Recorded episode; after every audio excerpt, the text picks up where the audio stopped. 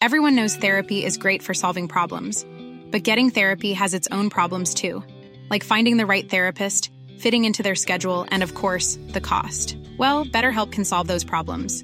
It's totally online and built around your schedule. It's surprisingly affordable too. Connect with a credentialed therapist by phone, video, or online chat, all from the comfort of your home. Visit betterhelp.com to learn more and save 10% on your first month. That's BetterHelp H E L P.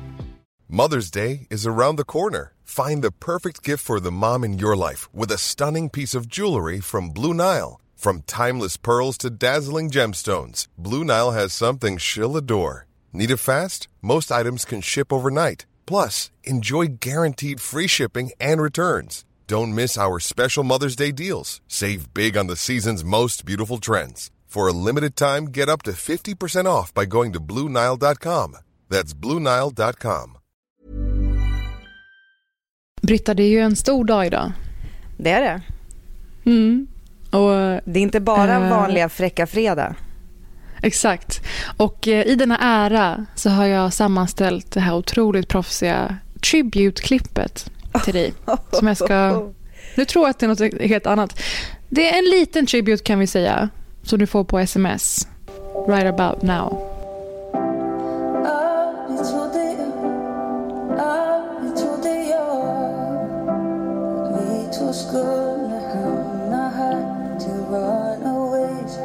Kommit upp i...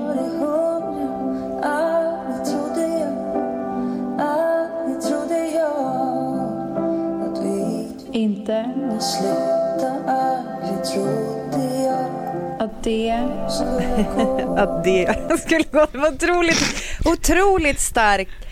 Jag mådde så illa över när jag lyssnade igenom förra veckans avsnitt och hör att jag säger så här production value som att det är en sån grej jag brukar säga ofta. Det är ju så här rester från mitt reklambyråliv. Det här var fan, det här var riktigt hög. Vad? Hantverk! Riktigt högt production value på det här. Du lyssnar på Britta och Parisa avsnitt 100. 1.00 avsnitt av Machetande i misären, Frälsande i feeden. Och även denna vecka så har vi granskat samtida nyheter och kultur med en hel del olika ämnen. Det, det, vi gör det vi brukar göra och har gjort i 100 avsnitt. Jag kan inte fatta att vi är här till slut. Det blev ett enda stort Finns det något mer 2020 än? Vi, vi blickar tillbaka till första avsnittet och hur, vad som har förändrats sedan dess. Men vi tar också självklart upp saker som har hänt på sistone som vi absolut inte kan låta bli att prata om. Att misslyckas med en barnbok, våldtäktsscener, tv-serier, olika högt uppsatta inom kyrkan. De åker på det. Absolut. Nu kör vi! Välkomna!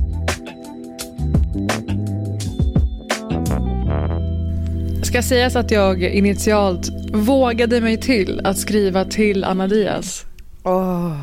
Och om den här otroligt känsliga personliga låten hör av sig en poddperson och bara Hej, vill du göra en remake till vårt 100 avsnittsfirande?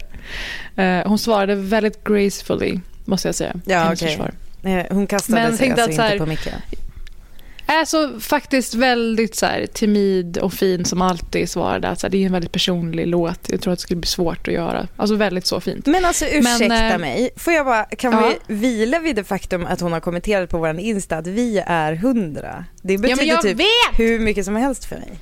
Ja men jag, exakt. Jag tänkte det när jag såg det, att det här räcker för Britta. Ja. För vi, vi kan ju Mm. säga det nu. Det är alltså en post på Instagram som innehåller informationen om en live quiz. Ikväll. Ja, ikväll blir det ju. Mm. Den 27, 27 november 21.00. Ja. Då har ni Så väl det- tittat klart på ert jävla På spåret? Ja, som det numera heter i den här podden. För Ja. jag, har, jag har inte mer att göra där. Eh, och om jag inte har att göra där, då får ingen ha att göra där. Nej men vi jag hatar väl På respekterar spåret er. nu? Alltså jag antar, jag försöker bara vara, alltså som en så här, ehm, jag, vill, jag vill säga Don Quijote fast jag vet inte vad han håller på med. Men så här, som bara fäktas, bara, fäktas mot någonting och så bara är det, nu fäktas vi mot, nu fäktas vi mot På spåret. Eller är vi för På spåret när du är med och sen bara nej nu är vi emot, nu är vi emot, okej vi är emot. Kappvändare kallas det kanske. Det har alltid varit en motståndare på något sätt, har det ju. Nu mer än någonsin. Eh, Nej, men så det blir live-quiz för att fira att vi har eh, hörts nästan faktiskt en gång i veckan varje vecka. Ja, i Ehm, två år. I hundra avsnitt. Två år blir det. 100 avsnitt. Du har ju insisterat på att ha juluppehåll någon gång till alla stora förtret. Men observera juluppehåll och inte typ föda barnuppehåll. Nej, verkligen inte föda barnuppehåll.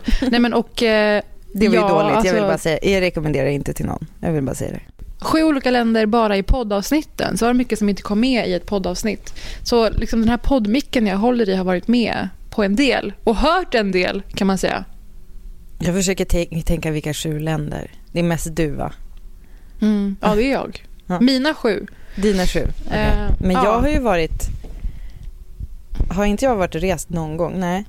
Jag, Jag tror inte jag du har haft mer i micken kanske. Ja, Vad sa du? Ja, jag har ju varit i fjällen dock. ja ska sägas. Mitt, Landet mitt kortet. rätta element, mitt natural habitat. Du, jag skrev en lista här för jag lyssnade nämligen på vårt första avsnitt. Mhm. Jag trodde att det skulle vara pinsamt så jag har liksom dragit mig lite för det. Har du lyssnat på det? Ehm, jo, men det har jag faktiskt. Och jag skulle säga att vi bara har tappat det sen dess. Ja, men alltså det är inte, det är noll pinsamt. Det är ganska ja, bra. Gud, det är ganska hög kvalitet. Det heter Obamas sexliv och medies ej. Och det är, jag fick eh, statistik idag, det är vårt mest lyssnade avsnitt någonsin. Ja, okej, kul. För jag Men- tror att det fortfarande dyker upp högst när man går in på vår podd. Jaha. Det är därför. Men Ja. alltså, sen tror jag att vissa är så här, ö, liksom ortodoxa och börja från början, vilket jag tycker typ är vansinne med en sån här typ av podd. För då pratar vi, bland annat så pratar vi om, eh, tipsar om tv-serie Wanderlust med Tony Collette. Jaha, Mm. ja den har man ju hunnit glömma. Den är ju jättebra, Men jag så man ska ju tror se att- den, men ligger den ens kvar på Netflix är frågan. Alltså jag vill bara säga att redan där så börjar ju jag snacka om den kvinnliga kåtheten, så absolut att det har hängt med och har en aktuell känsla. Kul att du nämner det, för i den här topplistan över avsnitt kan säga att det är till hälften om rasism Okej. och eh, karaktärer som eh, Bard, Trump, Jimmy och liknande, Paolo Roberto och sen är det uteslutande ligg utöver det Gud vad mysigt. i är fokus. Så lite- vi är extremt tacksamma för att ni uppskattar den här kombon av det jag räknade upp precis. Jag tycker också att det är fint liksom vad det, alltså om man skulle säga att det är som ett eh, destillat av våra personligheter.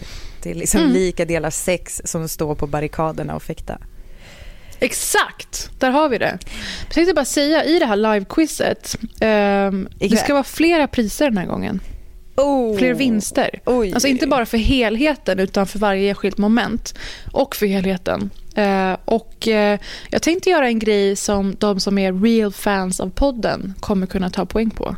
Gud vad roligt. Och jag tycker också att Mm. det är kul att det blir som ett straff för dem som av någon anledning har lagt sig till med att så här, jag lyssnar på den här podden på lördagmorgnarna eller kanske God forbid söndagmorgnarna. Eh, här får ni ett straff liksom. Ni fick inte vara med på liven för ni kände inte till att den hände. Och ni gick miste om priserna. Andra saker som hände första avsnittet. Vi pratar om white saviorism. Vilket jag tycker är ganska, det är ju fortfarande ett aktuellt ämne liksom. Även om man inte kan resa på samma sätt och sådär. Men vi pratar just om det här fenomenet att eh, eh, kända människor, influencers, åker och liksom hjälper till i länder i nöd och att det blir, det är liksom svårt att göra det med eh, en en fräsch ton, ska vi säga så, Mm. för att inte liksom grotta ner oss för mycket i det. Och eh, eh, jag, jag tycker liksom att det där, är, det där är en grej som är väldigt svår att eh, navigera kring och det blir också intressant att se liksom i Musikhjälpen eh, jag tänkte att det, jag tog med mig det som en påminnelse för att det är så lätt att sitta så här och bara, åh gud stackars dem, alltså typ Band-Aid, Do They Know It's Christmas. Jag, en, jag vet inte om jag har sagt det till dig förut men det- varenda gång jag hör den låten så tänker jag på en seriestripp jag såg. Där det är så här typ, Do They Know It's Christmas, typ alla kändisar samlas och sjunger och så är det som att så här, klipp till eh, liksom de som de sjunger om bara, eh, yeah, duh we know it's Christmas, we're poor, we're not retarded. Eh, Ja. Det är liksom en, den, den grejen känns viktig att ha med sig när man rör sig i de där träsken, så det var en bra påminnelse. En annan sak jag påminner om är glubbel. Jag Klubbel, det är säsong. Det är säsong nu. Första avsnittet eh, lades upp den 7 december så det är ju liksom i liknande tider. Och så fanns, Björn fanns inte. Alltså vad har hänt på de här två åren sen vi började? Ett Nej, men otroligt mycket, eh, både privat och jobbmässigt ju. Till exempel en ytterligare person i ditt hushåll. Ett barn har fötts. Eh, Det finns många så här, eh, kristna julsånger som jag kommer att tänka på apropå det. Men eh, ett barn är, en konung är oss given, dock bara i detta Ja. hushåll. Eh, en flytt har 100%. flytt, minst två ganska stora flytter har flyttats. Eh, Oh, ja. Och eh, två På spåret vinster har vunnits. Mm. Ett Jo tack. Ja, jo tack. Med den äran och det är därför vi inte tittar nu. Alltså det är roligt också att vi på något sätt går ut med att vi hatar På spåret. Du har ju tackat nej till att vara med. Alltså det är liksom jättekonstigt att ha som ett agg mot På spåret. Eh, väldigt konstig stil. Men i alla fall. Eh, ett influencerpris har tilldelats. Just det, det glömmer vi bort. Och en fucking pandemi har sabbat allas liv. Där har vi det. Där har vi det. Eh, och ni har varit med på hela det här av någon outsäglig anledning. Så vi, ni, vi sa ju det sist, vi firar med en livequiz ikväll och sen vill vi göra ett riktigt ösigt, påkostat, ambitiöst eh, livehäng Mm. med folk i ett och samma rum helst till våren. Jag tänker vi ska sjunga och vi ska showa och vi ska ha gäster. Kanske blir dans, Så- vem vet. Så bit ihop, det ska ske. Det ska ske. Om, om, inte minst när vi alla har vaccinerat oss. Men Britta, har du någonsin haft en nyår värd att minnas? Du, alltså vet du vad jag tänkte på inför det här avsnittet? Så tänkte jag så här, jag har så lätt för när det blir så här storslaget, bara åh det är hundra avsnitt så här, då blir jag lätt lite anti och så tänkte jag så här, varför är det en sån känsla? Och då kom jag på, det är samma känsla som jag brukar få på nyårsafton och på midsommar. För att det är så här, det är så, det är så himla så här, åh det är så viktigt, det är så kämp, liksom man ska så här, kämpa fram en jättepepp och det, blir, det levererar, alltså, sen är det väl att jag är så dålig på att styra upp fester och så, men det levererar ju sällan på löftet. Och just denna nyår kan vi väl ändå vara överens om att den kommer ju inte, den kommer ju verkligen inte leverera på ens bild i huvudet av vad nyår är. Så Mm. hade du något förslag på hur vi skulle fira den då ändå? Jag, jag trodde du syftade på det. Nej, det gjorde du inte. Nej, men vi pratar om att jag med Anders Lundin ska leda tolvslaget på SVT, alltså nyårsfirandet. Alltså det är så jävla Den- coolt. Kommer du säga ring klocka ring? Kan du snälla kuppa in att du säger ring klocka ring annars? Om du inte ska. Eller hur? Diktuppläsaren av själva nyårsklockan är Sofia Helin i år. Jaha, Mäktigt. ja det är mäktigt. Mm. Men absolut, jag springer in bakom henne och ropar ring klocka ring och är bannad från all etermedia för all framtid om jag gör det. Men jag tänkte på det att det här kan ju bli en av få nyårsfiranden värda att minnas. Inte bara för mig förhoppningsvis utan för att det är ett så speciellt år. Vi kommer ändå vara hemma i väldigt små grupper gissningsvis. Och då kan man passa på att ha på ett härligt program. Sveriges bästa artister, två ganska kul prata mer. Alltså jag tycker typ att vi ska införa någon slags eh, jag tycker att man kan göra lite mer än så. Jag tycker att vi nästan borde kunna uppmana folk att kanske tända någon eld och så slänga in en massa skit man inte vill ha med sig in i det nya året. Det känns som att vi kommer, alltså du vet så här basta, tvaga hela kroppen och på något sätt liksom slänga alla kläder vi har haft. För det känns som att eh, har vi någonsin velat ömsa skinn och liksom gå in i ett nytt år, börja på ny kula, typ vända blad som kungen brukar säga. Har vi någonsin Nej, känt det, det- mer än nu? Liksom? Ja, men den känslan är ju som en blöt filt över exakt allt. Eh, Så man vill ju både spegla det att det här året har hela mänskligheten tvingats ner på knä egentligen. Och eh, all sorg som har funnits och alla förluster och så. All oro. Men också rikta blicken framåt. Att försöka ge folk den här skjutsen in i 2021. Mm. Säger vi så 2021? Vi bestämmer det nu. Eh, så det, ni- Jag hoppas det blir oförglömligt på så sätt. Eh, men också att vi ska försöka göra det till någonting festligt och roligt och inte bara som det brukar vara för de som ofta är ensamma runt såna här eh, högtider hemma. Mm. Men för de som ändå kommer vara hemma och söka kontakt med andra människor. Att man ska försöka få inblickar i andra människors nyår och kanske många man är nyfiken på. Vad det Jaha, kommer man få, alltså gud vad roligt. Alltså det kommer inte vara det här vanliga att någon står och är väldigt frusen och påar olika akter och artister enbart. Utan vi kommer försöka höja blicken och göra någonting som är, som är gångbart på fler sätt än att bara leda fram till midnatt på nyår. Gud vad härligt. Mm. Blir det första gången du frivilligt är ute i vinterväderlek en längre stund? Nej, men alltså jag har googlat underställ, tro mig. Tar emot Men alla gud. tips. Nej men alltså googla inte, jag finns ju här. Jag är ju fan bäst Mm. på att klä på mig, särskilt på underställ. Jag kommer Och som ska gå att kombinera. du är... Ja, ja, ja. Nej, men alltså gå som... att kombinera med någon slags paljettklänning också om det går. Ett hundra procent. Det är bara ull närmast Men- kroppen så är du covered. Du, du, nu får det du svara och på det. ull-bh. Jag tror att nyår i år kommer vara så jävla laddat på riktigt. Alltså jag skämtar inte om det där med att vi ska elda grejer, eller, men jag, det känns som att vi, jag tror att många Mm. har ett behov att markera att det här, det här året eh, gjorde sina avtryck på oss eh, och att vi behöver liksom få gå vidare. Vi är så jävla hungriga på att få gå vidare. Så jag tror Mm. att det blir ett minnesvärt hur det än blir för att vi jag, tycker, jag tycker nyår liksom är en ganska trevlig företeelse egentligen. Alltså det där med att man liksom börjar på ny kula. Det blir en... Men håller du dig vaken till midnatt? Nej, nej jag kommer somna. Nej, men Förlåt. I år får du klara det till kvart över. Kvart över är det slut. Sen tittar jag på Så SVT Play det jag missat. Vad fan. Tune in i alla fall. Mm. Eh, Vi kör från klockan, säg 23. Det Nej. dyker upp i tablån. Jag Va? vet inte. Kommer det inte vara, kommer det inte vara tidigare än så? Vad ska jag, Jag göra ända fram tills dess? Alltså i liksom nyårsandan. Eh, Mm. Så jag började ju med det här nya formatet som jag vill kalla Finns det något mer 2021? Ja. Och då vill jag ställa dig frågan, finns det något mer 2020 än att söka upp ett gammalt YouTube-klipp bara för att få sig ett, ett gott gråt? Alltså Nej, man behöver en ventil. Nej men exakt, alltså man, när man Mm. liksom behöver gå in och bara gråta ut och också tycker jag det är som talande för att Många tror jag upplever också att man liksom har sett allt nu på Netflix. Man har sett allt på HBO. Man har sett allt det man vill se på SVT Play. Cannot relate. Men jag förstår Nej, att vissa har den upplevelsen.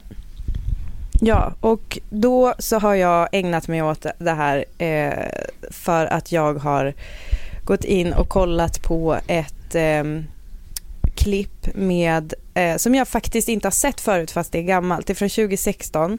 Det är från en film som heter The Greatest Showman. Har du sett den? Mm.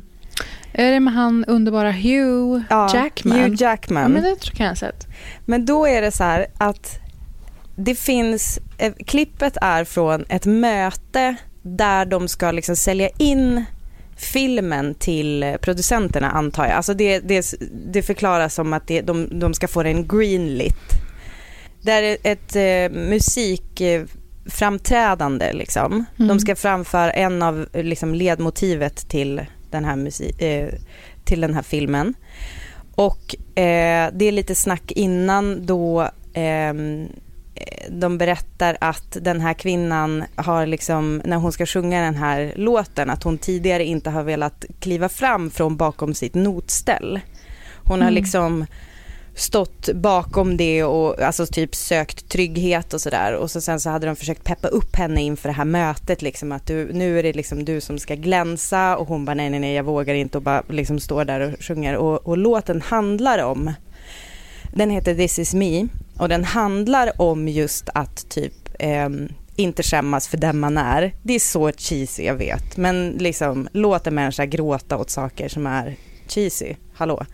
Ehm, Nej, men du har blivit eh, jag har blivit spokesperson of. Det, var, det här känns som att det är i samma fåra som eh, Hamilton-pratet på det sättet att det är en förhöjd känslomässig upplevelse. Ja, men så kan det absolut vara.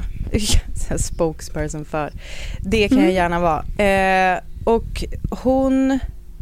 Ja, den här låten handlar liksom om någon som typ har levt i skuggorna men inte typ längre vill skämmas för den hon är. Och så samtidigt som hon framför den här låten, alltså man märker liksom att den den slår an någonting verkligt i henne. Och det är vissa delar när hon är, är så rädd för att sjunga, alltså hon känner att hon kanske inte tar sig igenom det utan att bryta ihop, så hon tar liksom, vid ett tillfälle tar hon tag i Hugh Jackmans hand för att liksom hålla i honom medan hon sjunger sig igenom det. Och så är det såklart körer på det här och det är liksom så, alltså det är så fruktansvärt bra. Och Ja, släng in en kör. ja, exakt, Otroligt. det blir aldrig fel. Sharpest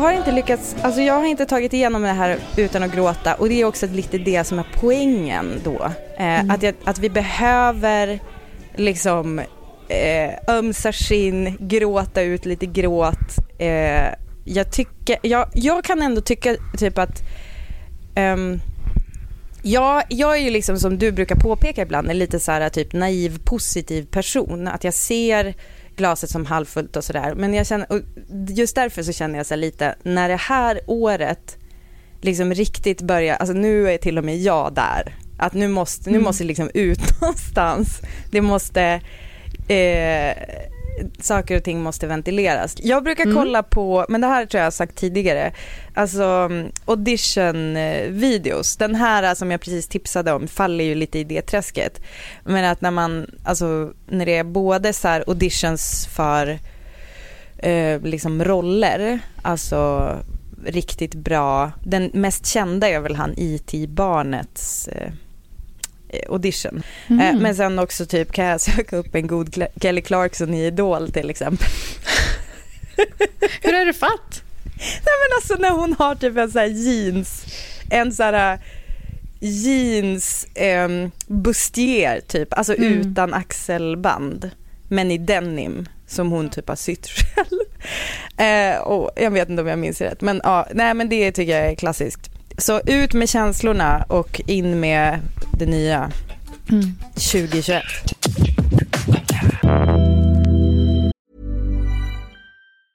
Mother's Day is around the corner. Find the perfect gift for the mom in your life with a stunning piece of jewelry from Blue Nile. From timeless pearls to dazzling gemstones, Blue Nile has something she'll adore. Need it fast? Most items can ship overnight. Plus, enjoy guaranteed free shipping and returns. Don't miss our special Mother's Day deals. Save big on the season's most beautiful trends. For a limited time, get up to 50% off by going to BlueNile.com.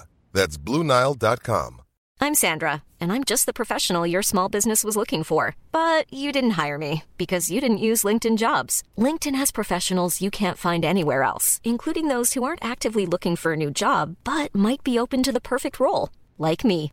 In a given month, over 70% of LinkedIn users don't visit other leading job sites. So if you're not looking on LinkedIn, you'll miss out on great candidates like Sandra. Start hiring professionals like a professional. Post your free job on linkedin.com/people today. Uh, helt av en slump så har jag också tänkt på grejer på just temat Finns det något mer 2020 än? Eh, och det är för att Britta har kläckt det här otroliga bra formatet som vi tar med oss i 2021 hoppas jag. Mm, som Och- Alex och Sigge inte kommer sno. Hallå, jag måste bara flika in med en grej. För det säger vi också i första avsnittet, det här med medias ej. Det är ju att jag Ja. hänger ut Alex Schulman att han fick medias ej på en restaurang. När han, Mm. alltså typ jag satt bordet bredvid. Och eh, det, eh, jag antar att det är därför. Ah, Plötsligt föll allt på plats. Jag tänkte mer på det här. Kritikstormen över det rasistiska perspektivet i Margot Ditts barnbok. Det är 2020.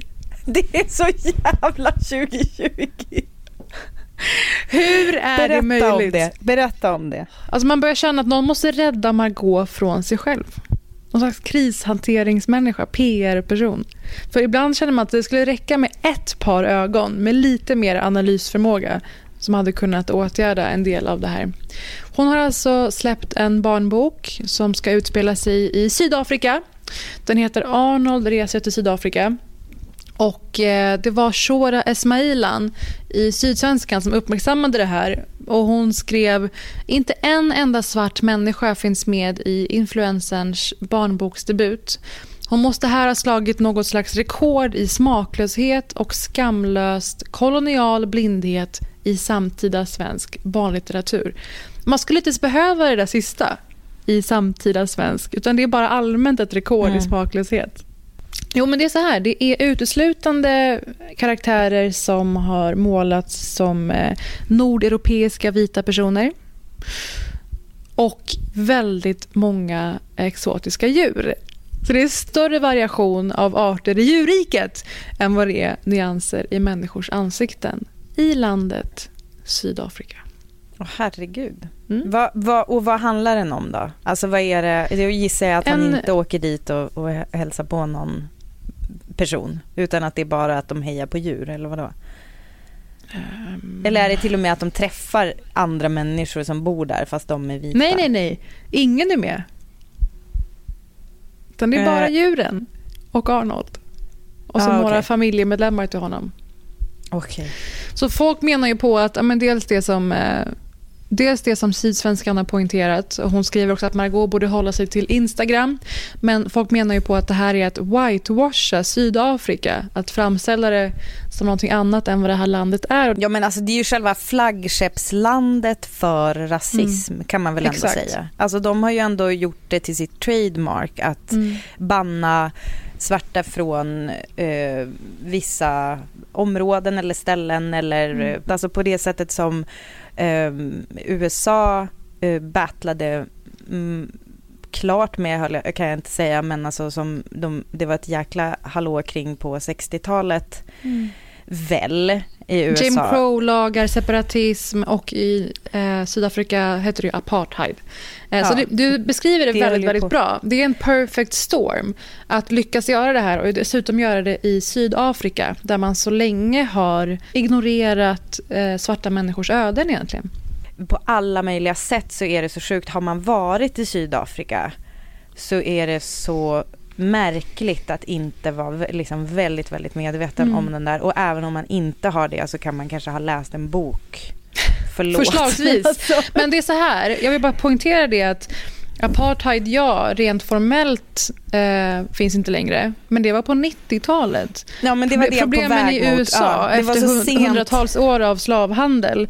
Det, det var också under 1900-talet, men det här är så pass nyligen dessutom. Men Ja. det har blivit någon slags influencerfäste ju. Eh, att man åker och poserar framför vinfält och sådär och inte har någon insikt i hur människors verklighet ser ut. Det här är lite det vi sa om Lina Dunham on crack, om du minns från förra veckan. Att Dunham porträtterade New York helt utan icke-vita personer, alltså svarta, bruna, Mm. allt möjligt. Ja, det var absurt. Det, här- det var som en primer för den här veckan. För det här är, alltså man, man kan snacka om en dum tweet, man kan snacka om en ogenomtänkt Instagram-story, men förstå hur många ögon och öron det här har passerat. Du, ehm, vet du att Arnold reser till Sydafrika är nominerad till Adlibrispriset, årets barnbok? Fräscht! Nej, men inte bara är det eh, såklart aningslöst och historielöst. Det här hade varit ett ganska bra tillfälle att integrera i en barnbok. Att människor kan se annorlunda ut men ändå ha samma eh, insida eller samma viljor och liknande. Det hade blivit, blivit jättefint. Men det här går för mig i linje med Margaux eh, verksamhet på något sätt. Det senaste var ju det här att hon börjat sälja underlivstvål. Har du hängt med i det? Nej. Det är någonting som jag är eh, kluven till i stort. Alltså jag har faktiskt jobbat med att skriva copy till underlivstvålsgrej men då Mhm. handlar det liksom om pH-värde, inte typ att den ska lukta gott eller Exakt. något där utan typ Mm. att du inte ska så här, eh, sabba fittan typ. Mm. När du, för... För- att du tvålar in dig, då gäller det att ha rätt grej. Men det bästa, Mm. alltså, det bästa är ju att liksom bara låta den vara och inte typ hålla på och parfymera och sådär. Jag tycker att det är helt vansinnigt. Ehm, jag tycker typ att det är så här sabbar folks sexliv om man ska hålla på och tänka att ens underliv ska lukta blomma eller någonting. Det blir som att försöka göra det till någonting det inte är och det ska inte vara det heller och eh, ärligt talat liksom många man ligger med, många många olika jag ligger med. Nej men alltså, eh, alltså så här, nu, jag vill bara passa på att säga det att det finns ganska många som eh, vill ligga med tjejer som inte heller förväntar sig att det ska lukta blomma. Bra, hoppas det där var din copy när du var reklamare också. Nej men klart det Ehm. finns bättre och sämre grejer men jag är ju ganska strängt emot all sorts alla produkter som försöker kapitalisera på kvinnors osäkerhet kring deras underliv. Och eh, det har ju kommit upp my- mycket under det här året när vi har rotat i kvinnors eh, föreställningar om sex, ganska pissiga förhållanden där män behandlar dem ganska illa och säger hemska saker till dem om typ deras underliv. Eh, och nu är det också så att Margot Dietz har väldigt unga följare. Eh, Och att Ja. fostra bilden av att kvinnors underliv ska dofta av frisk doft av bergamott, mandarin och ylang ylang. Det känns så fruktansvärt sunkigt. Alltså att ens sälja parfymerad underlivstvål visste jag inte att man fick göra på apoteket. Så också frågande till det, att de säljer den. Jag tror att det är precis det som är grejen för att, den, alltså det, att ha en tvål särskilt ägnad för underlivet är ju en bra grej för att folk inte då ska ta sin duschkräm och typ eh, löddra upp. Men om det blir då att den ska vara så särskilt parfymerad, alltså förstår du, det, det finns ju en enorm skillnad mellan något som finns för att inte vara lika skadligt Mm. som andra alternativ eller att någonting finns för att det ska eliminera liksom hela typ naturliga kulturen liksom Mm. i Inna Vergisi. Om vi har några 12-åriga lyssnare, vi har inte det. Vi vill bara säga det, det räcker med varmt vatten. Det kan era mammor säga till er som kanske lyssnar på den här podden Ja. egentligen. Man kan också tvätta med olja kan jag tipsa om det är så att man liksom absolut vill ha något så kan man ta olja, typ olivolja. Jaha. Eder Hippie. Nummer Jävlar vilken bohemisk stämning. Nej men det är jättebra med olja för det både smörjer in och Ja. eh, tar bort Bra. Nej, men så jag utlyser här med årets julklapp. Trevor Noah, Born a Crime. Jag var förvånad att den inte blev årets julklapp till alla. Det blev Stormköket. Du har väl ett gäng hemma kan jag tänka mig Britta? Absolut. Absolut. Men vi var inne på den boken för några veckor sedan. Den rymmer liksom allt om vår samtid genom Trevor Noahs blick på apartheiden i Sydafrika och att växa upp som biracial i det här sjuka landet. Men inte minst så är det väl årets julklapp till Margot Dietz. Är det bara jag eller är svartvitt tänkande dåligt för den kollektiva utvecklingen? Den kollektiva personliga är det Lena utvecklingen. Andersson jag har på luren? Ja men lite, alltså det, det är det här som är problemet. Att det är, jag vet, jag Fortsätt. vet Parisa. Men om vi, om vi lämnar, det är för att det är så jävla lätt att lyfta liksom så fort man lyfter den här typen av grej att det hamnar i så här ehm, i eh, ganska mörka eh, läger på internet och jag skulle liksom, jag vill, jag vill jag vill absolut inte ha med dem att göra utan Mm. jag vill prata om några andra saker som jag tycker kanske förtjänar våran Ja, men jag är med dig. förmåga att ha flera saker i huvudet samtidigt. Lena Andersson-referensen, ni som inte har hört det, var vad vi för några veckor sedan pratade om att hon eh, gömmer sig bakom lite kanske wordy eh, fraser ibland. Men jag förstår, du försöker ju rymma en ganska stor fråga här. Att Ja, folk, är jag- för, folk är för kategoriska på något sätt. Folk är för kategoriska och att sådana som Lena Andersson har kapat eh, förmågan att vara nyanserad. Alltså, Mm. Eller liksom, de har kapat det, det spåret. Mm. Att det går liksom inte att vara nyanserad för att då blir man en sån som de som bara, ja men åk inte till, hem till Harvey Weinstein då om du är rädd att bli våldtagen. Man bara, för, för den här den där liksom nyanseringen och typ hellre fli- fria än fälla, det tycker inte jag gäller sexuella övergrepp. Det gäller inte att, de sexuella övergrepp som är att köpa sex. Jag tycker att det gäller inte våld mot kvinnor. Det är jävligt mycket liksom som jag tycker absolut, som jag absolut inte vill befatta mig med. Och det är också därför jag liksom har gått och ruvat på den här grejen ganska länge för att Mm. jag tycker den är svår att prata om för det är just av den anledningen. Mm. Men jag tänkte på, det här började lite grann i när Lin-Manuel Miranda la- alltså typ stängde ner sin Twitter Mm. för att han eh, inte då tog upp slaveriet på ett vettigt sätt i Hamilton. Jag tycker Alltså, där är ganska... skaparen- av musikalen Hamilton, en känd Mm. skådis och eh, sångare och allt möjligt. Ja, kreatör. som handlar om, den här musikalen handlar om Alexander Hamilton som är en av the founding fathers i USA och det utspelar sig under en tid eh, med slaveriet fast slaveriet nämns inte på ett tillräckligt tillfredsställande sätt kan man Mm. säga. Han scrollar förbi de grejerna. Han scrollar förbi. Och då är frågan, kan man skapa ett verk som kan vara bra, jättebra till och med, även om det inte till perfektion hanterar allting som det skulle kunna han, ha hanterat. Mm. Är det liksom en vettig sammanfattning? Det, det finns liksom någonting med, för jag tänker på det här väldigt mycket med, i och med Brené Brown faktiskt Mm. som pratar mycket om sårbarhet. Alltså sårbarhet och skuld och skam. Mm.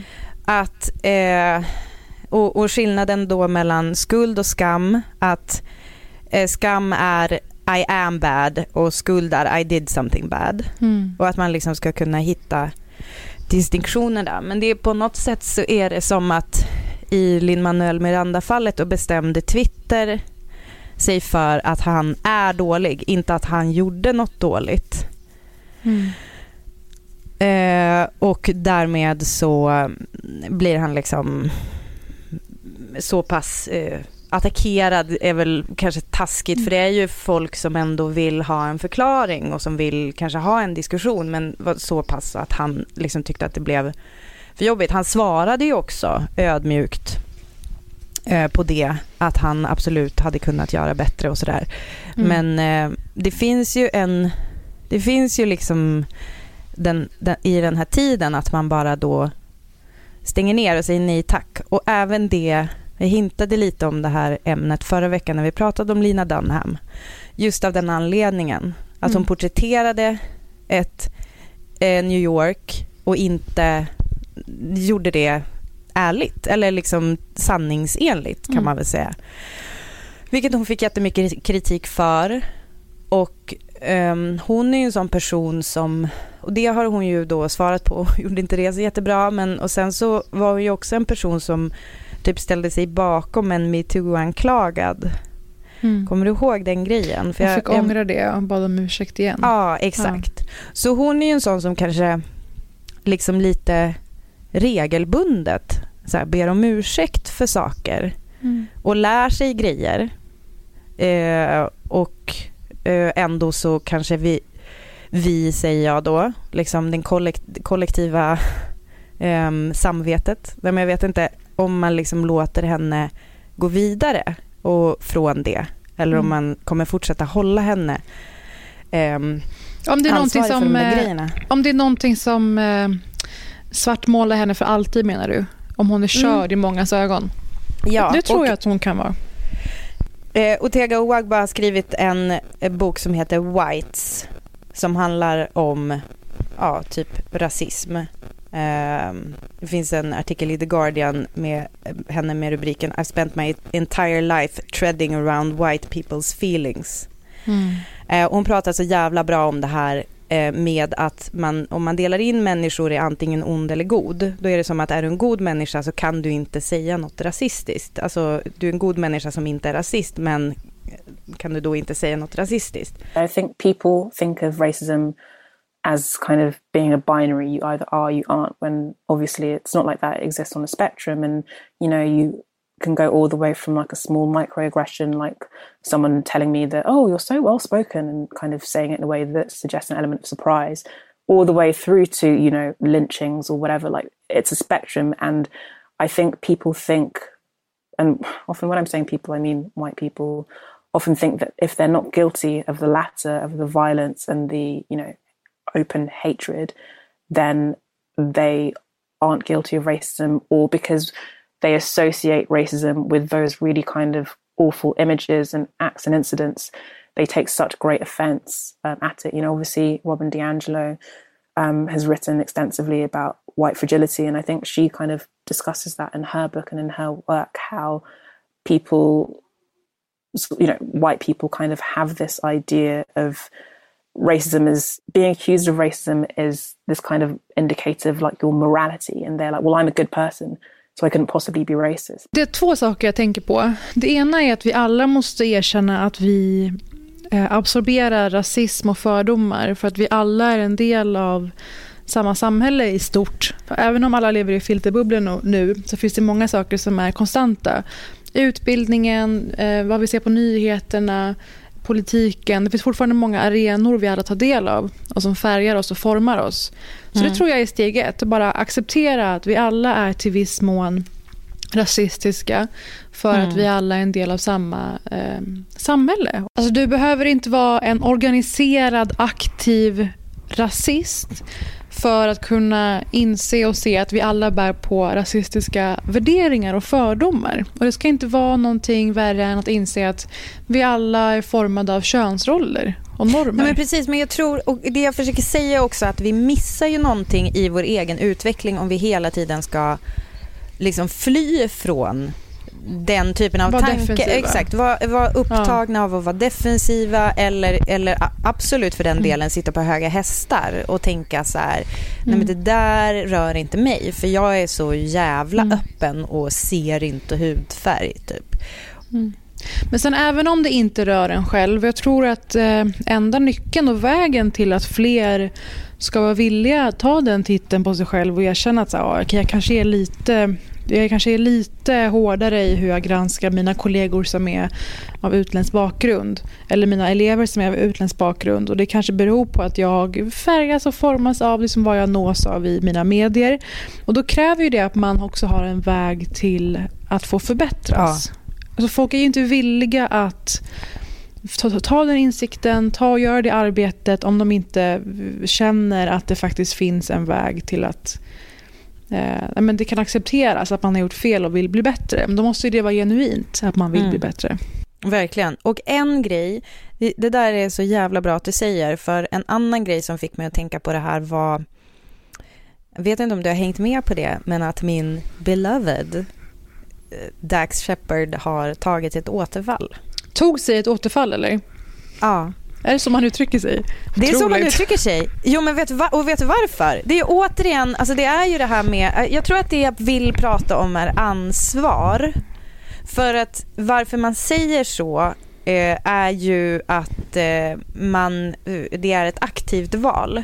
Att inte på något sätt så här Mm. Um, att man inte, vad säger man, vad är alternativet höll jag på att säga? Vad säger man egentligen? Att man får att inte, ett återfall. Ja, att det inte bara drabbade en som en hjärnblödning utan att det är någonting man... Exakt. Ja. Det, var, det var något du faktiskt valde att göra. Mm. Och det är så fruktansvärt naket och ärligt och verkligen ärligt med smutsiga, smutsiga grejer. Och sidor hos honom att han har ljugit för folk han älskar.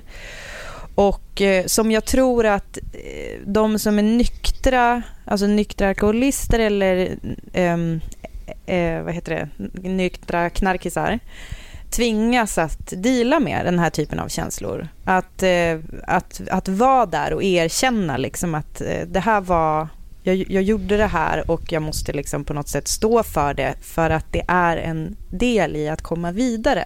You're about doing this. I understand.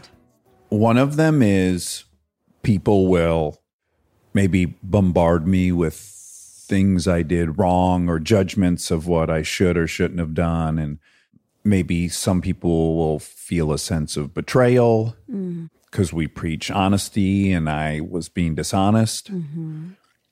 I have a fear financially that like companies who would want me to represent them would now not You know, most importantly, but not, I, I don't have it now, but I had it a week ago, which is the cornerstone of my self esteem, other than the children, is that we have this podcast and that a lot of people have been inspired to try sobriety based on how open we are about it.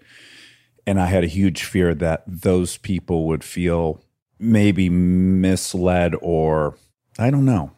Part of it's good and it's self esteem, and another part of it's ego that I um, I have 16 years, I have 16 years, I have 16 years, and that is something people might aspire to have.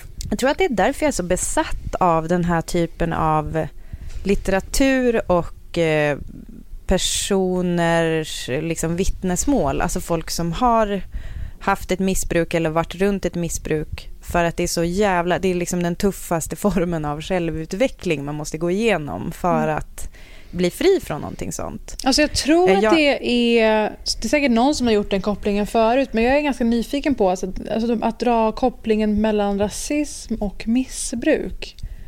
Ja. Om, den är, om det är vattentätt så att säga. jag, jag tycker liksom att det finns någonting med att eh, om, vi om vi tittar på eh, att våga, vara, våga se sina egna fula sidor så tycker jag absolut att det rymmer någonting. Jag, jag tror att den där typen av riktigt jävla hardcore titta sig själv i spegeln och liksom vända på varenda liten sten i ens personlighet som folk tvingas göra eh, som ska bli kvitt ett missbruk. Och se, alltså för Dax Shepard pratar ju också om så här, ehm, han drar en ganska långsökt parallell, verkar det som, till en tjej som är med i Survivor, eller något sånt där typ av program. För att hon, så här, eh, hon vill därifrån och då säger hon till slut att det är eh, för att hennes, hon har problem med bäckenbottenmuskulaturen och hon eh, vill inte äventyra, hon har liksom känt att det typ stör henne lite nu och hon vill inte äventyra möjligheten att få ett till barn och därför måste hon eh, tap out typ ur tävlingen. Och han bara, det är, eh, det där är addiction. Han bara, hon, hon vill bara hitta ett sätt att fly. Så att jag menar till och med, alltså det finns paralleller att dra för de som har varit inne i det där och på något sätt avkodat den, det typet att tänka. Och jag tycker det är ett väldigt intressant sätt att se det på, att vi alla mer eller mindre har något, liksom någon missbrukarstil inom oss. Som, Alltså det eh, finns att- mönster, beteendemönster man kan applicera. precis. Okej, återigen till Finns det något mer 2020 än? Och Britta, finns det något mer 2020 än att påven likade en utmanande bikinibild på Instagram?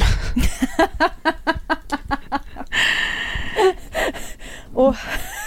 Den är stark. Den är stark. Och stackars, stackars den praktikanten som satt vid och hade ansvar för sociala medier. Mm. Bara det att påven Så har Instagram hade räckt, men dessutom det här, den här dimensionen av att lajka de här bikini-tjejbilderna. Eh, och det, här, det pågår ju en massiv utredning va? På Vatikanen. De vill gå till botten Ja. med vilken törstande person som har ändå varit inne och förlustat sig på chefens konto dessutom, om det nu inte var påven själv. Det låter ju misstänkt likt att man drar fram en scapegoat, eh, som man alltid gör inom politiken, eller vad Ja. det nu är för någonting. Man eh, vallar fram ett offer helt enkelt. Men tror du att påven ens skulle kunna eh, hantera Instagram själv? Eh, jo, det har väl varit Ja, hela jag hans grej att han twittrar och han håller på. Jaha, jag kan påven för dåligt visar det sig. Behöver inte kunna mycket mer än så.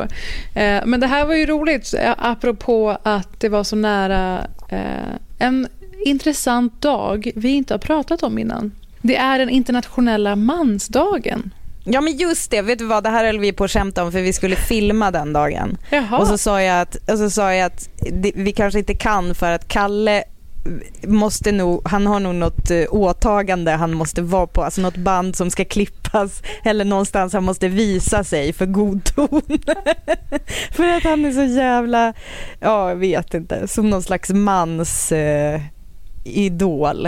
Eh? Mansidol, rakt Ja, av. det Verkligen. det kan Gud man vad roligt. säga. Tänk när Idol lägger ner och Per Lernström ska programleda något annat. Mansidol, fredagsfinal Ja, varje fredag. Kalle står där och utmanar olika människor, kastar yxor och liknande. Men visste du om att den här dagen existerade innan? Ja, alltså jag såg den i almanackan faktiskt. Eh, jag vet ju också att, alltså för det där är ju en, alltså den, den slätna jävla trökramsan som kommer eh, vid internationella kvinnodagen. Eh, att folk, män, förvånansvärt nog säger vadå, ja, då borde vi få ha en dag och så, eh, så kan man hänvisa till almanackan att det fast, faktiskt finns en. Det är väl dagens enda Mål. eh, poäng, eller? Men alltså, visste du med på det. riktigt att den dagen fanns förrän i år, innan 2020? Nej, det visste jag inte. Eller hur? Det, Det, är som att det har skett något PR-arbete, för det var väldigt mycket mer i fokus just i år mot vad det någonsin har varit. Det har tydligen varit inrättat sedan 1999. Jaså? Mm. Okej, men Britta, en öppen fråga. Vad ser Ja. du för poänger med den här dagen då, utöver att kunna hänvisa olika kvinnohatare på kvinnodagen? Nej, alltså det är min enda. Det, det är verkligen, verkligen den enda. Jag skulle också kunna sträcka mig så långt till att jag skulle tycka att det var okej om vi hade liksom på Napoleondagen en särskild bakelse. Mm. Och så då, då tänker jag så här, om, ni kan, om det kan levereras en trevlig mansbakelse kanske, inte vet jag. Kanske Men något eh, Hur väldigt skulle, potent. den, ja, hur skulle mycket- den vara formad? Gå loss, Britta Zackari. Säg det du vill Nej, säga. jag tror att det är två arraksbollar och en dammsugare som samsas. Gud vad du har tänkt på, något det här förut. sätt. Det där föddes inte här och nu. Nej, det föddes 100% här och nu. För det var, hörde du inte det? För det var mina två top of mind bakverk. Dammsugare och arraksboll. Det är mina älsklingar. Mina Om de kan samsas på en och samma tallrik, eh, då, då tycker jag att den dagen skulle ha ett existensberättigande. Säger du? Starkt svar. Jo, men så här. Om vi ska påminna oss först om vad internationella kvinnodagen är till för. Bara för att ha någonting att hålla i. Då är ju den mycket för att belysa kvinnors situation globalt. Ja. Och det säger ju allt. Det totala underläget. Kvinnor är andra klassens medborgare över hela världen. Och då fick jag faktiskt gå in på mansdagen på Wikipedia. Där stod det bland annat att dagen är till för att uppmärksamma mäns bidrag till samhället. Åh, äntligen en dag när vi får göra det. Och här hajade jag till. Sen står det, dessutom står det avser att fokusera på mäns hälsa, eh, lyfta fram positiva manliga förebilder och sådär. Och det tycker jag är viktigt. Jag hade hoppats på att det skulle stå någonting sånt. Att det här är en dag för att uppmärksamma och belysa det som görs för att eh, föra fram en modern mansroll och motverka de eh, samhällsstrukturer som finns och sådär. Det hade varit jätteintressant. Men och vet Just- du vad som hade också varit, alltså verkligen så här, eh, typ Suicide Zero är Ja. väl säkert medvetna om att den eh, vanligaste dödsorsaken för bland män eh, är eh, självmord, alltså som, Mm. ja, i åldern typ 19 till 44. Den- Det här brukar jag prata om. Och vi som feminister, shout-out, vi har ju som uppgift eller som enda mål att belysa att könsrollerna drabbar ju alla. De är skadliga för alla i samhället. Vi vill ju inte bara främja kvinnors situation egentligen. Och Det där är ju ett vanligt missförstånd. Men tror du att folk gjorde det bästa av denna mansdag? Nej, jag, jag tyckte den dagen gled ganska obemärkt förbi, eller? Mm. Men framför allt var det många starka bidrag från kvinnor i mitt flöde. Och det är ju alltid spännande. De här kvinnorna som så ihärdigt föraktar och spyr galla över allt och alla som frångår normer. De tar det personligt. De tar det som att det är ett hot mot världen och deras sätt att leva på något sätt när de ser Harry Styles i en klänning på Vogue. Alltså det där med Harry Styles tycker jag är så jävla konstigt. Vad, vad det har, var det har hamnat någonstans. Ja, berätta. Harry Styles då, pojkbandskille, One Direction, väl? Mm. Nu sa jag One Direction som en pappa också. One Direction. Ehm, han eh, fotades i klänning eh, och var den första mannen på omslaget till eh, amerikanska Vogue. Och ehm, jag tycker ju personligen, alltså medans folk då har upprörts tydligen, väldigt många konservativa, needless to say, som har upprörts över det tilltaget.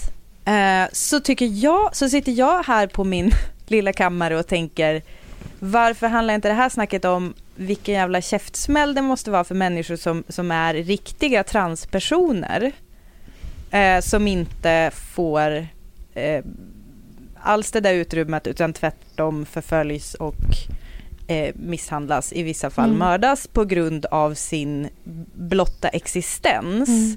Och då ska liksom Harry Styles typ kapitalisera på Nja, det och klä Alltså jag ut ser sig. det som att det är parallella spår. Jag ser det som att det Harry Styles gör är att från hans sida förändra och mjuka upp normerna kan gynna de som drabbas av trånga mansnormer. Okej. Hänger du med? Alltså jag tror Mm, att om ja. han som Fortsätt en gärna. ung stjärna och popikon ehm, förändrar de typiska attributen för män och vad det innebär och betyder, att det öppnar upp sig kan göra att det blir mindre rep- repressalier och straff för de som frångår normen helt, alltså transpersoner. Men det är klart att jag håller med om att de borde få ännu mer utrymme, att Vogue borde haft en transperson på omslaget. Så kan man ju dra Ja men typ Billy Porter känns ju som en väldigt nära till hans eh, Mm. Eh, jag vet inte, alltså Style By hade nyligen ja, ja, en, exakt. en svart transperson på omslaget. Mm. Eh, det, känns, det tycker jag känns mer intressant. Absolut. än- Mer Alltså att Harry meningsfullt också. Styles, alltså på något sätt, ja meningsfullt och liksom eh, liksom faktiskt göra någonting. Mm. Det där säger väl kanske mer om min egen personliga eh, resa i det här, att jag känner mig som ganska klar med det där att, att killar visst får ha tjejkläder. men- Eh, alltså nu, jag känner liksom, kan vi göra, alltså det finns faktiskt folk som som inte, alltså Harry Styles har ingenting att riskera med det där. Ja, fast det här säger ju snarare någonting om hur etablerad du är i de här frågorna. Om man kollar på reaktionerna mot Harry Styles omslag. Om du tycker att Ja, Harry Styles varit- inte är intressant, då kan man kolla på reaktionerna mot eh, Vogue-omslaget. Och hur Nej, men om vi säger så här, jag fruktansvärt fientliga och hat... Jag känner inte riktigt att Harry Styles har så mycket att förlora på det här greppet. Mm, men då är det ju du som menar en att han alltså allierad- har det? Men då, nej, jag tror inte han har någonting att förlora. Men jag Nej. säger att... Men är det då om modigt? vi isolerar... liksom? Nej, absolut inte. Det, in... alltså, det tycker jag absolut inte. Och han själv tycker inte att det är modigt. Utan när det blir intressant när reaktionerna som blossar upp är så fruktansvärt fientliga och rasande. Att, Ja. att rikta in sig på de människorna. Alltså egentligen Just frångå från Harry Styles. Det hade kunnat vara vem som helst. Jag skiter i att det är han. Utan reaktionerna i sig är det som är intressant. Och här var det en person som är väldigt stor, har flera miljoner följare på Instagram. Väldigt, eh, väldigt hård för alternativ högerpopulist i USA som heter Candace Owens. Som men, la upp ett klipp som är så dräpande mot alla som frångår normen av att män ska defend and protect women och, bli, och vara manly män och att kvinnor ska vara nurturing. But really, it was more of an attack on Vogue and the culture in general that is trying to shove this down our throats, right? This turning women into men and turning men into women has been the, the move on the left as of late, right? Women should want to go to work. You don't need a man. Shave your head. Dye it pink. Make yourself ugly. But I think it is wrong for our society to keep perverting things, to keep putting in the forefront forms of perversion. Okay? Let me give you a couple of forms of perversion that people in Hollywood like to promote, aside from men wearing dresses, which I believe to be a perversion. It is perverted to me. Och om det, om Harry Styles och det där får agera den internationella bilden på lokal front så har vi en person som är en mansivrare av rang och har liksom gått från att vara en TV4-vänlig röst i sexualfrågor till att ha väldigt speciella meningsvänner. Ja, det är Katarina Janouch. Mansdagen. Katarina Janouch vaknade med ett syfte, hörni. Eh, Hon slängde sig på närmaste sociala medier för att förmedla sin verklighetsuppfattning av hur saker ligger till. Citat Katarina. Vad vore världen utan män? Vad vore världen utan äkta män och älskare, flörtar och helt vanliga hetero- heteroförälskelser? Notera. Partners och compadres, ligg och lekkamrater. Det är intressanta frågor hon inleder med. Sen får hoppas att det inte bara är män i heteroformationer hon tycker är godtagbart. Och sen så går vi vidare i texten och då märker man att det är något annat som ligger och lurar i Katarinas verklighetsuppfattning. Hon inleder två meningar med dessa ord. Kära vita män i alla åldrar. I detta woke-samhälle är det idag fritt fram att håna er och skälla på er. Punkt, punkt, punkt. Annan mening börjar så här. Hej du vite man. Du behöver inte ta mer skit nu. Sträck på ryggen. Ta tillbaka ditt land. Punkt. Och sen avslutas det här med ett stycke som är skrivet som en halvt sjungande barnbok på något sätt. Alltså Bullerbyn-stämning. Ett sus av ångest går genom vänsterblivna feministers menssjungande vaginor. De som älskar att offentligt hata machomän, fast de egentligen helst av allt bara vill ligga med dem. Det borde vara, det borde vara mensdagen, väser Brynbinda. Inte mansdagen. Förstår du varför det här är så barnboksaktigt? Alltså. Men du, där gick hon över gränsen och nu förstod jag att hon är, alltså hennes personlighet har blivit kapad av en människa som eh, liksom, det kommer snart komma ut att det här i själva verket är typ en performancekonst eller någonting. För att hon är, alltså hon är en för överdriven karaktär. Det här brukar vi prata om Mm. ibland. Alltså hade man läst om den här karaktären då hade man ju tänkt så här, men det är ingen som tycker sådär på riktigt. Alltså så pass uttalad i sin Alltså att vara så utbroderad just kring den vita mannen så Mm. finns det liksom ingen som riktigt tycker på riktigt. Men där, där Mm. var hon tydligen. Och jag, ärligt talat, jag har ju fått många sådana där, äh, vid min lilla, eh, det känns som att just vita män är ju lite av mitt signum att prata om. och jag fick ju, jag fick ju otroligt mycket brev av människor som, när jag då, ja ni vet, jag pratar om vita män i tv och då eh, fick jag väldigt mycket, det var många som skrev att om jag inte älskar vita män att jag kunde åka till Afrika, Mhm. eh, alltså obs, landet Afrika. Men vadå, Men också- Sydafrika? Finns det hur många vita Mm, som kanske. helst i Sydafrika? Men, ja, men eh, det, det var eh, alltså det var väldigt mycket så här typ eh, kvinnor som kom till just den vita mannens försvar. Ja. Vilket jag tyckte var intressant. Jag, visst, jag visste inte att de fanns innan. Så jag, jag ehm, även om jag tycker att hon uttrycker sig lite lite för komiskt om jag ska vara ärlig så vet jag ju att det finns de här åsikterna. Ja, det här var ju väldigt intressant och det här känns som ett passande tillfälle att fråga om du sett tv-serieversionen av Fredrik Backmans bok Björnstad på HBO. Nej, det har jag inte. Men gud vad intressant att den här kommer in i det. Mm. Mm. Ja, du har, inte, har du hört om innehållet? Eh, ja, alltså jag känner till eh, boken, ja. Mm. Ehm, det är väl om ett typ hockeylag på, Ja. i, i glesbygden. Yes. Det, det är förlagt i fjällmiljö i tv-serien, inte i boken vad jag har förstått. Eh, du har säkert sett att det är många som har sett den här och hyllar den på olika kanaler och så. Eh, jag drog mig lite för att se denna, för att jag har ju förstått genom recensioner och annat att det handlar om våldtäktskultur på olika sätt. Dels handgripligen vad som sker efter en våldtäkt. Och då oroade mig för vad kommer det vara för scener. Vilket man alltid, du vet ju Britta, det Mm. kan göras på 30 000 olika sätt, en våldtäktsscen. Och det kan tjäna väldigt många olika syften. Och inte alltid helt lyckade syften på ett lyckat sätt. Mm. Ehm, men jag slog på det här för jag kände att det var, som vi brukar säga, för jobbets skull. Och vi har ju Aliette Oppheim med som vi tyckte väldigt mycket om i Kalifat Mm. senast. Och jag klarade knappt av att se klart den här serien helt ärligt. På grund Ehm, av... Alltså dels, så här, jag uppskattar att det är nästan som en grundskoletake på skadorna av förlegad manlighet. Liksom jag ser Harry Styles som en, en kofot in i dem vars medvetanden kanske inte nås av Style Bys omslag eller Britta Zackaris medvetna feed.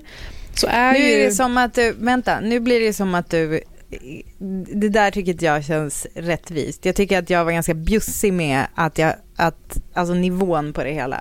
Men jag menar att HBO-serien Björnstad är än Harry Styles på så sätt att den är väldigt basic, den är väldigt grundläggande. Det är ingen avancerad nivå. Det är verkligen som en duktig reklam innan bion. Där man liksom visar så homofobi, machokultur, rasism. Det är våldtäktsskämt i omklädningsrummet. Destruktiva relationer med föräldrar, mycket våld är väldigt centralt. Man får ju, de lyckas ju skapa den där kvävande, vidriga känslan. Om, om, om du har varit i någon sån miljö någon gång.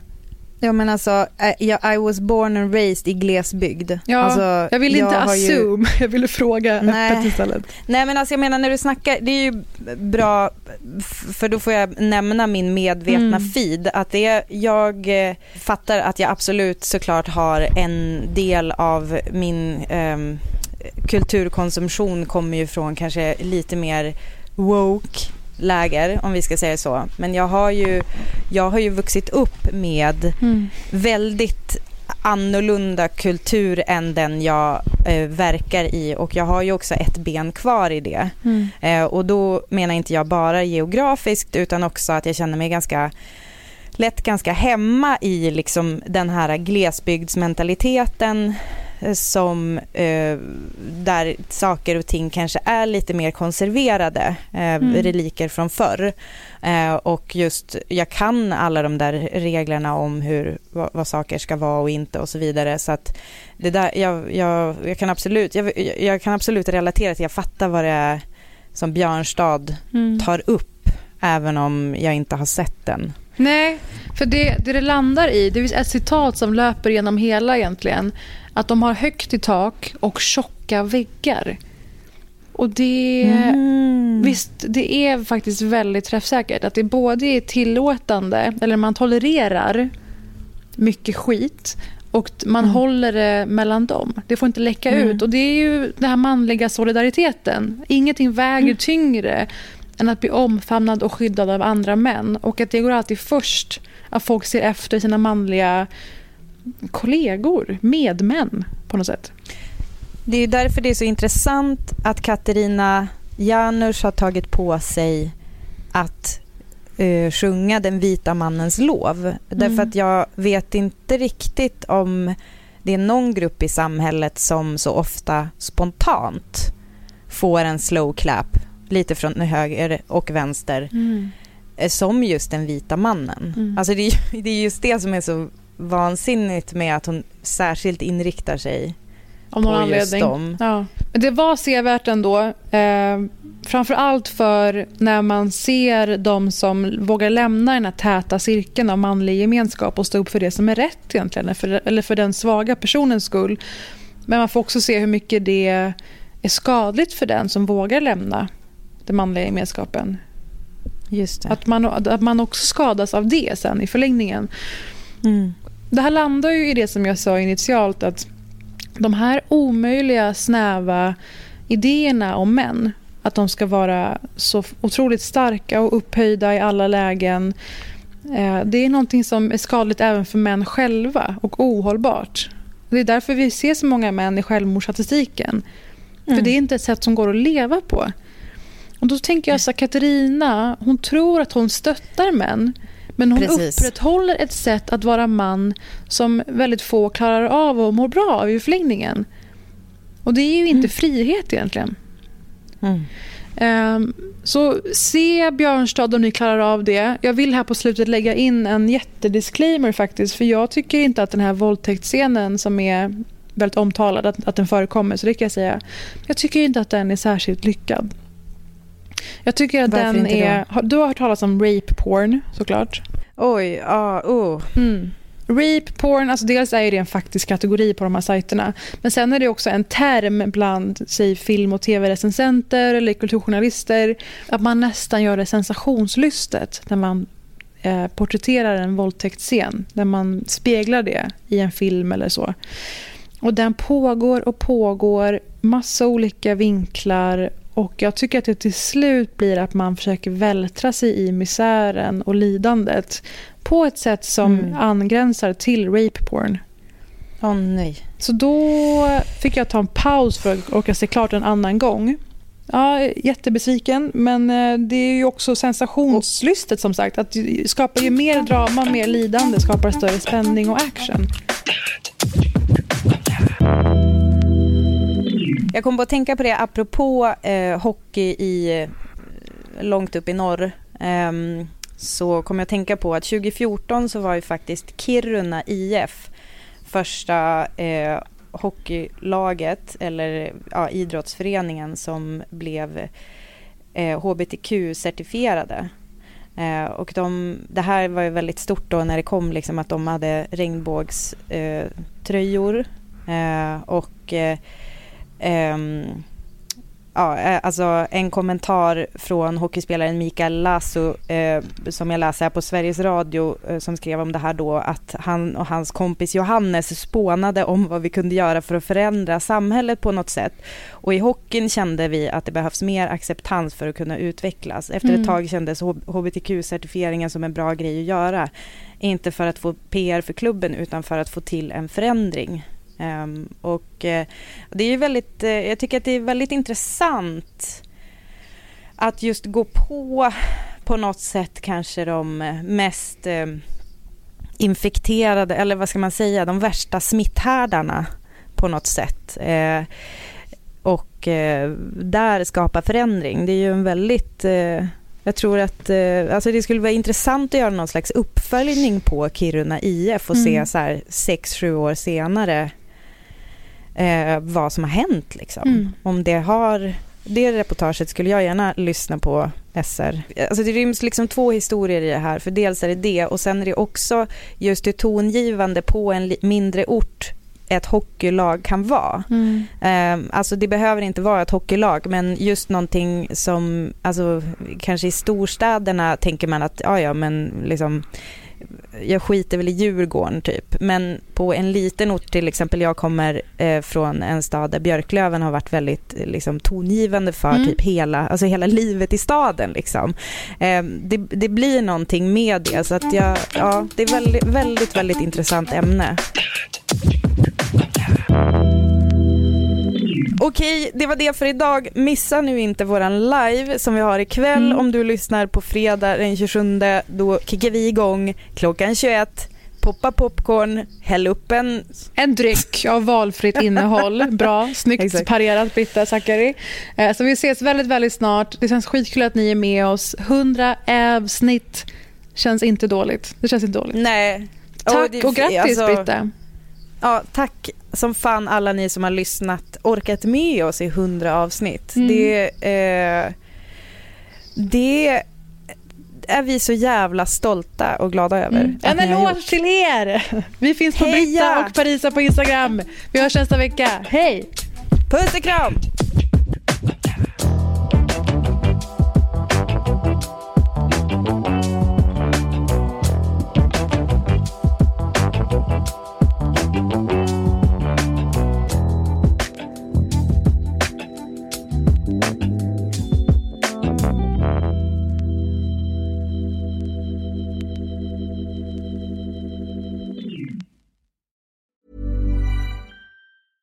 Even when we're on a budget, we still deserve nice things. Quince is a place to scoop up stunning high-end goods for 50 to 80% less than similar brands. They have buttery soft cashmere sweaters starting at $50, luxurious Italian leather bags, and so much more. Plus, Quince only works with factories that use safe, ethical, and responsible manufacturing. Get the high-end goods you'll love without the high price tag with Quince. Go to quince.com slash style for free shipping and 365-day returns. Planning for your next trip? Elevate your travel style with Quince. Quince has all the jet-setting essentials you'll want for your next getaway, like European linen, premium luggage options, buttery soft Italian leather bags, and so much more. And is all priced at 50 to 80% less than similar brands. Plus, Quince only works with factories that use safe and ethical manufacturing practices. Pack your bags with high-quality essentials you'll be wearing for vacations to come with Quince. Go to quince.com slash pack for free shipping and 365-day returns.